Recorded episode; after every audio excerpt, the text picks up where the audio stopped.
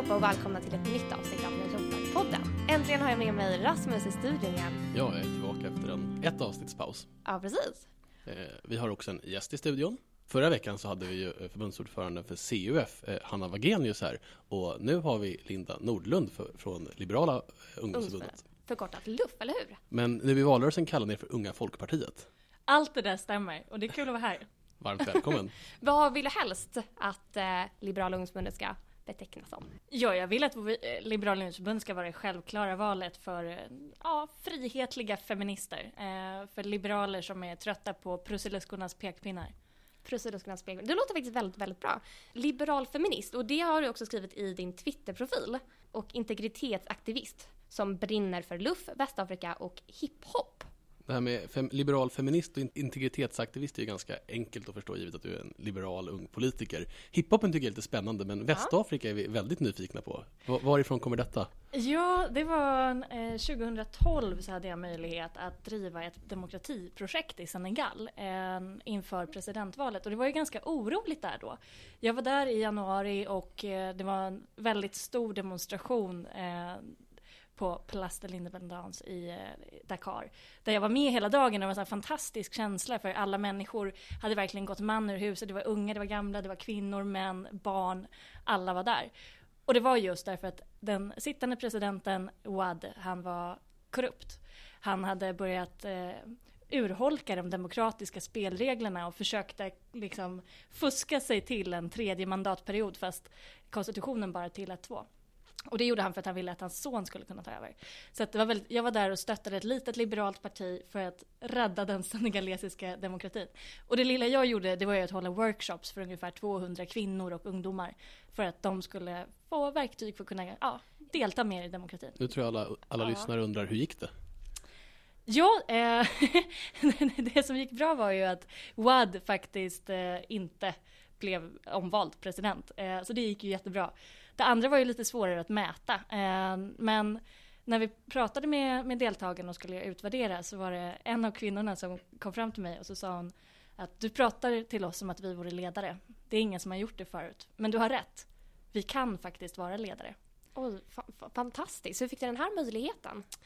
Det var eh, faktiskt en folkpartist som från början är från Senegal som hade kontakt med det här lilla liberala partiet som var nystartat och eh, som kontaktade mig och frågade om jag skulle vara intresserad. Och sen sökte jag en massa stipendier eh, från olika liberala fonder och så kunde det bli verklighet. Och sen åkte jag dit i juni också och gjorde ungefär samma sak inför eller parlamentsvalet.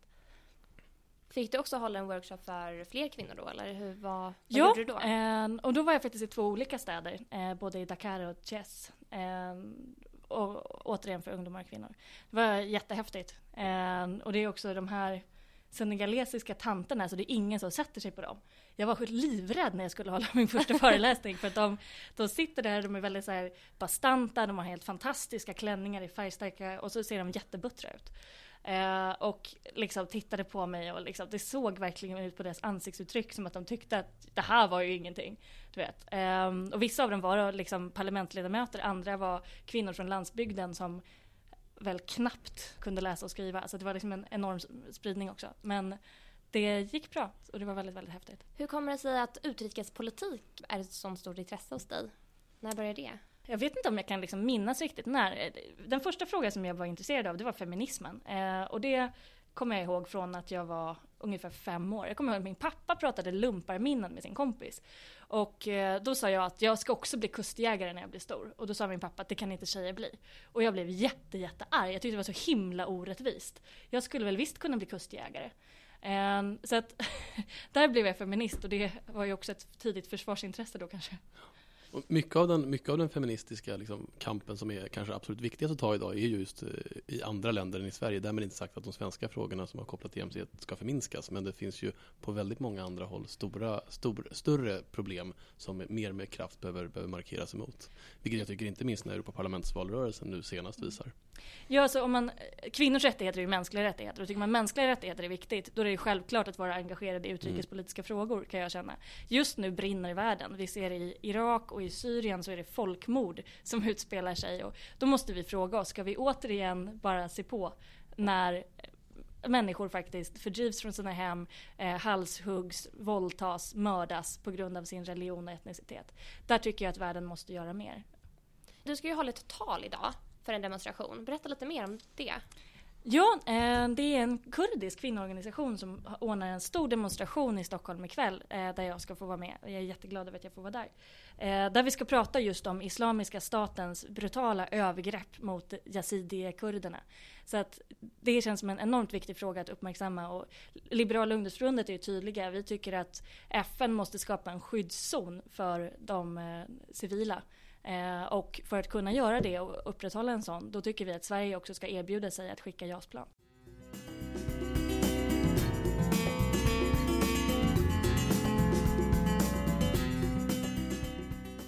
Vid, vid sidan av feminismen så är ju eh, för Folkpartiet skolan väldigt viktig. Eh, och om man ska börja med skolan så har vi ju alla gått i den, inklusive du tänker jag. Eh, var det här ditt politiska intresse växte fram eller, eh, och, och hur var du i skolan? Jag var nog ganska... Eh, jag tror jag var lite besvärlig faktiskt i skolan på det sättet att jag var jag har alltid haft problem med auktoriteter eh, och mitt sätt att hantera det var att visa lärarna att jag visste mer än vad de kunde. Jag hade en historielärare som var kommunist. Han sa att ah, nej, men Stalin var ju inte så trevlig, men Trotskij var ju faktiskt en bra kille. Eh, varpå jag gick hem varje dag och läste kommunismens svarta bok och satt och liksom sakupplyste resten av lektionerna. Som 15-åring? Ja, jajamän. Eh, så att jag var nog, eh, det var nog många i klassen som tyckte jag var extremt jobbig. Eh, den är typ på tusen sidor, är den inte det? Den är jättetjock. Ja, jag läste faktiskt inte från pärm till pärm. okay. Eh. Jag försökte, jag, när jag var 15 också faktiskt. Nej, men... riktigt, riktigt rubbat egentligen, men, men nödvändigt. Ja.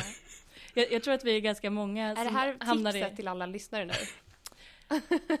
ja, alltså så här, om man tycker att historieundervisningen inte är objektiv, då tycker jag man ska gå hem och läsa på och berätta för klassen hur det egentligen låg till. Eh, det tycker jag absolut. Men jag tror att det är väldigt många i politiken som är, har varit sådana här besserwissers och ja, lite... elevrådsrepresentanter. Ja, och liksom muffaren eller luffaren i klassen som, som har eh, kanske lyft stämningen på ett antal samhällskunskapslektioner men oftare kanske förstört stämningen lite grann med... I alla fall för läraren, men ja, kanske inte för klassen. Framförallt om man som jag gick i en väldigt vänsterdominerad ja. skola, en skola där Vänsterpartiet och Miljöpartiet alltid liksom tog hem hela skolvalen och Folkpartiet fick typ en röst och gissa vem som röstade för dem. Du, ja, det var en given retorisk fråga. Du pratade lite tidigare om det här med problemet för auktoriteter. Mm. Jag tror många tänker att Jan Björklund ibland kan vara lite auktoritär. Eh, hur auktoritär tycker du att Jan Björklund är? Får man fråga det? Ja, alltså jag, jag, hade också den bilden. Eh, men sen när jag började, jag jobbade ju för honom. Eh, mm. Och var brevsvarare och sen assistent åt honom en sommar när hans assistent var ledig. Eh, och då lärde jag känna en annan Jan än vad jag hade sett liksom, från medierna. Han lyssnar väldigt mycket. Nu som luffordförande måste jag säga att det har varit väldigt givande därför att i flera frågor när vi har drivit på så har jag sen fått komma upp till Jan på departementet och så har jag fått lägga fram alla mina bästa argument och så har han ställt följdfrågor och sen har han ändrat åsikt. Till exempel i samtyckesfrågan. Och det känner jag är, är liksom en styrka, att man, man vågar tänka om när man, när man blir överbevisad. Ibland när man är på, på, på skoldebatter så händer det ju att eh, elever, framförallt de som kanske har gått i den nya gymnasieskolan, tycker att de har haft det lite, lite hårt i skolan. Och då brukar ju alltid Fredrik Reinfeldt eller, eller även vi muffare brukar säga att ja, men det är lite det som är meningen, att man ska lära sig mer. Eh, men vad, vad, vad, är ditt bästa svar när elever eller väljare tycker att Jan Björklund är lite, lite för hård och ställer för hårda krav? Vad är de liksom, bästa argumenten för Alliansens skolpolitik och Liberala ungdomsförbundet? Jag kan säga så här, det, det finns skäl att vara självkritisk vad gäller skolpolitiken. För vi har inte fullständigt liksom lyckats. Och det är inget konstigt för det tar så himla lång tid. Jag tror att den viktigaste reform som vi har gjort, det är att vi har höjt kraven på lärarutbildningen. Det kommer ge en jättestor skillnad, men de lärarna har inte examinerats ut än. Det jag känner att vi inte har gjort tillräckligt mycket eh, för, det är att det fortfarande är så att det är föräldrarnas utbildningsnivå som i väldigt hög grad bestämmer hur bra det går för barnen i skolan. Jag tror att det var ett misstag med läxrut eh, och jag vet att det inte var varken vårt, mitt parti eller ditt parti som ville ha det utan det var Skatteverket som, som hittade på läxrut. Jag tror att det som man gör nu där man satsar på sommarskola och på läxhjälp är betydligt mycket bättre. Vi måste skapa en skola som utjämnar de skillnader som vi har fötts med så att alla elever faktiskt får samma rättigheter och skyldigheter men också möjligheter. Du är ju ute på skolor och kampanjer väldigt mycket. Vilka frågor är de vanligaste som ni får? Dels är ju skolfrågan någonting som liksom berör alla elever väldigt, väldigt tydligt. Eh, och man märker ju att betygsfrågan till exempel alltid är het. Jag tror att det vore bra om vi hade tidigare betyg. Vi såg att när man tog bort betygen från mellanstadiet så var det arbetarklassens barn som halkade efter. Eh, jag är därför glad att, att mitt parti vill ha betyg från fjärde klass. Eh, men sen är det ju också de feministiska frågorna. Eh, vi har ju drivit samtycke i våldtäktslagstiftningen väldigt hårt och där märker man verkligen att det ligger många unga lite för nära. Det är ganska många som har upplevelser av, av sexuellt utnyttjande eller har en vän som har blivit utsatt och där man känner att rättsväsendet har brustit. Så att den frågan är enormt viktig. Ja, ni driver feminism utan socialism väldigt mycket. Ni skrev en rapport nyligen också va? Mm. Som visade hur mycket FIs förslag egentligen skulle kosta en halv biljon. Det var ju väldigt välbehövt givet att ja. media inte granskade FI särskilt mycket. Nej, vi kände det. Vi tänkte att vi, vi är duktiga folkpartister och räknar här och hjälper till. Ja. Klassens ordningsman. ja, verkligen igen. Ja, nej men det är en halv biljon. Det är ju mer än halva statsbudgeten. Eh, och det här är ju alltså per år. Det är så vansinniga summor. Så att jag är väldigt glad över att den där rapporten fick spridning så att fler börjar få upp ögonen för att vänta, det här går inte ihop. Det här är fullständigt galet. Och genomför man de här sakerna, om man till exempel sänker arbetstiden till sex timmar om dagen, det är kvinnor det slår mot. Det har vi ju sett när man gjorde liknande saker i Frankrike. Männen fick mer fritid och kvinnorna fick jobba mera gratis hemma. Mer oavlönat hemarbete för den som kommer hem två timmar tidigare och redan gör det. Mm. är den rimliga slutsatsen att dra av det.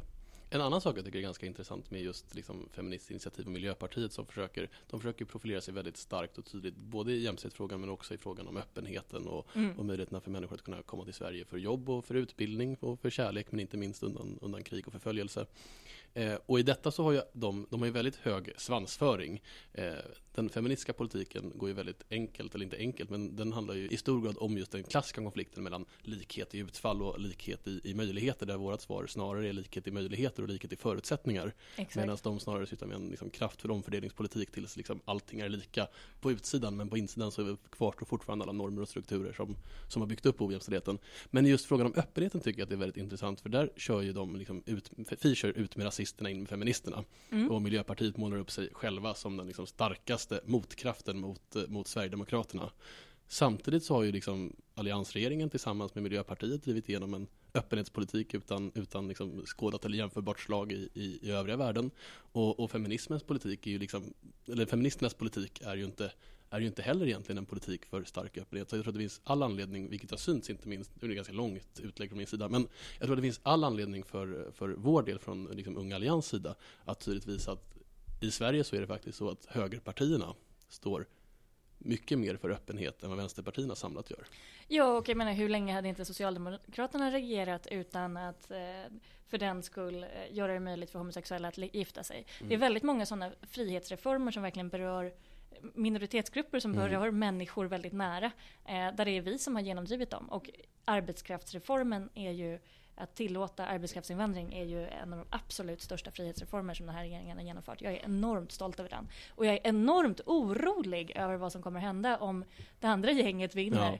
och Löfven eh, ger LO-borgen direkt inflytande över eh, över arbetskraftsinvandringen. För det kommer vara en stängd dörr i ansiktet mm. på så många människor som kom, vill komma hit för att skapa sig ett bättre liv. Och det har inte bara varit ett klumpigt uttalande från, från ledande S-företrädare på, på det här temat, det har varit ganska många från flera ganska högt uppsatta. Den officiella linjen är ju svenska mm. jobb åt svenska arbetare och det finns ju ett annat parti som driver det också. Mm.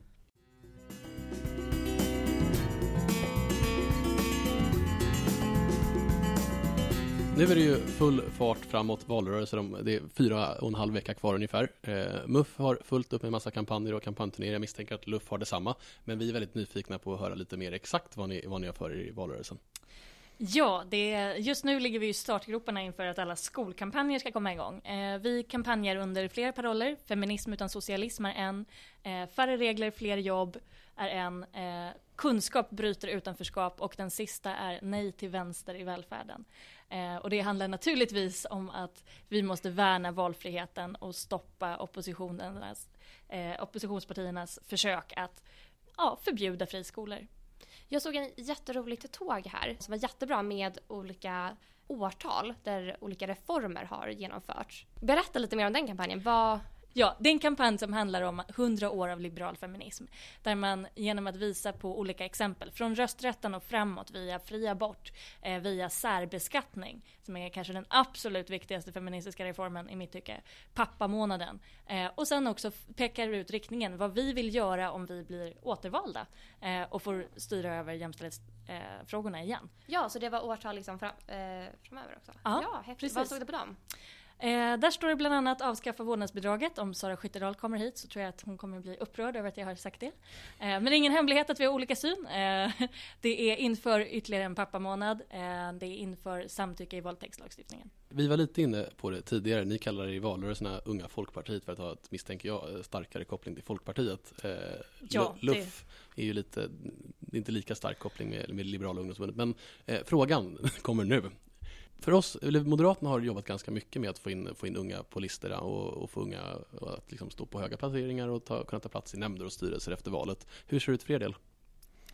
Ja, det är inte så glatt och positivt som jag skulle önska. Efter valet 2010 var Folkpartiet absolut sämst av alla partier när det gällde att få unga invalda. Eh, och det hängde väl ihop med att vi backade också. Men eh, då tillsattes det faktiskt en arbetsgrupp eh, där partisekreteraren satt med, där dåvarande luftordföranden satt med och de tog fram väldigt skarpa förslag. De här slipades naturligtvis ner sen när partistyrelsen skulle anta det. Eh, men det fanns fortfarande kvar till exempel krav på att ja, ungdomsförbundet skulle ha en plats i alla nomineringskommittéer och sådär. Och jag har lagt väldigt mycket arbete på att eh, försöka få länsförbunden att ta till sig av detta. Vi tillsatte när jag blev ordförande en äntringsstyrka Eh, där vi hade både unga folkpartister och eh, representanter från ungdomsförbundet som hjälpte till liksom, eh, på lokal nivå. Eh, både som mentorer och att också ligga på länsförbunden och sådär.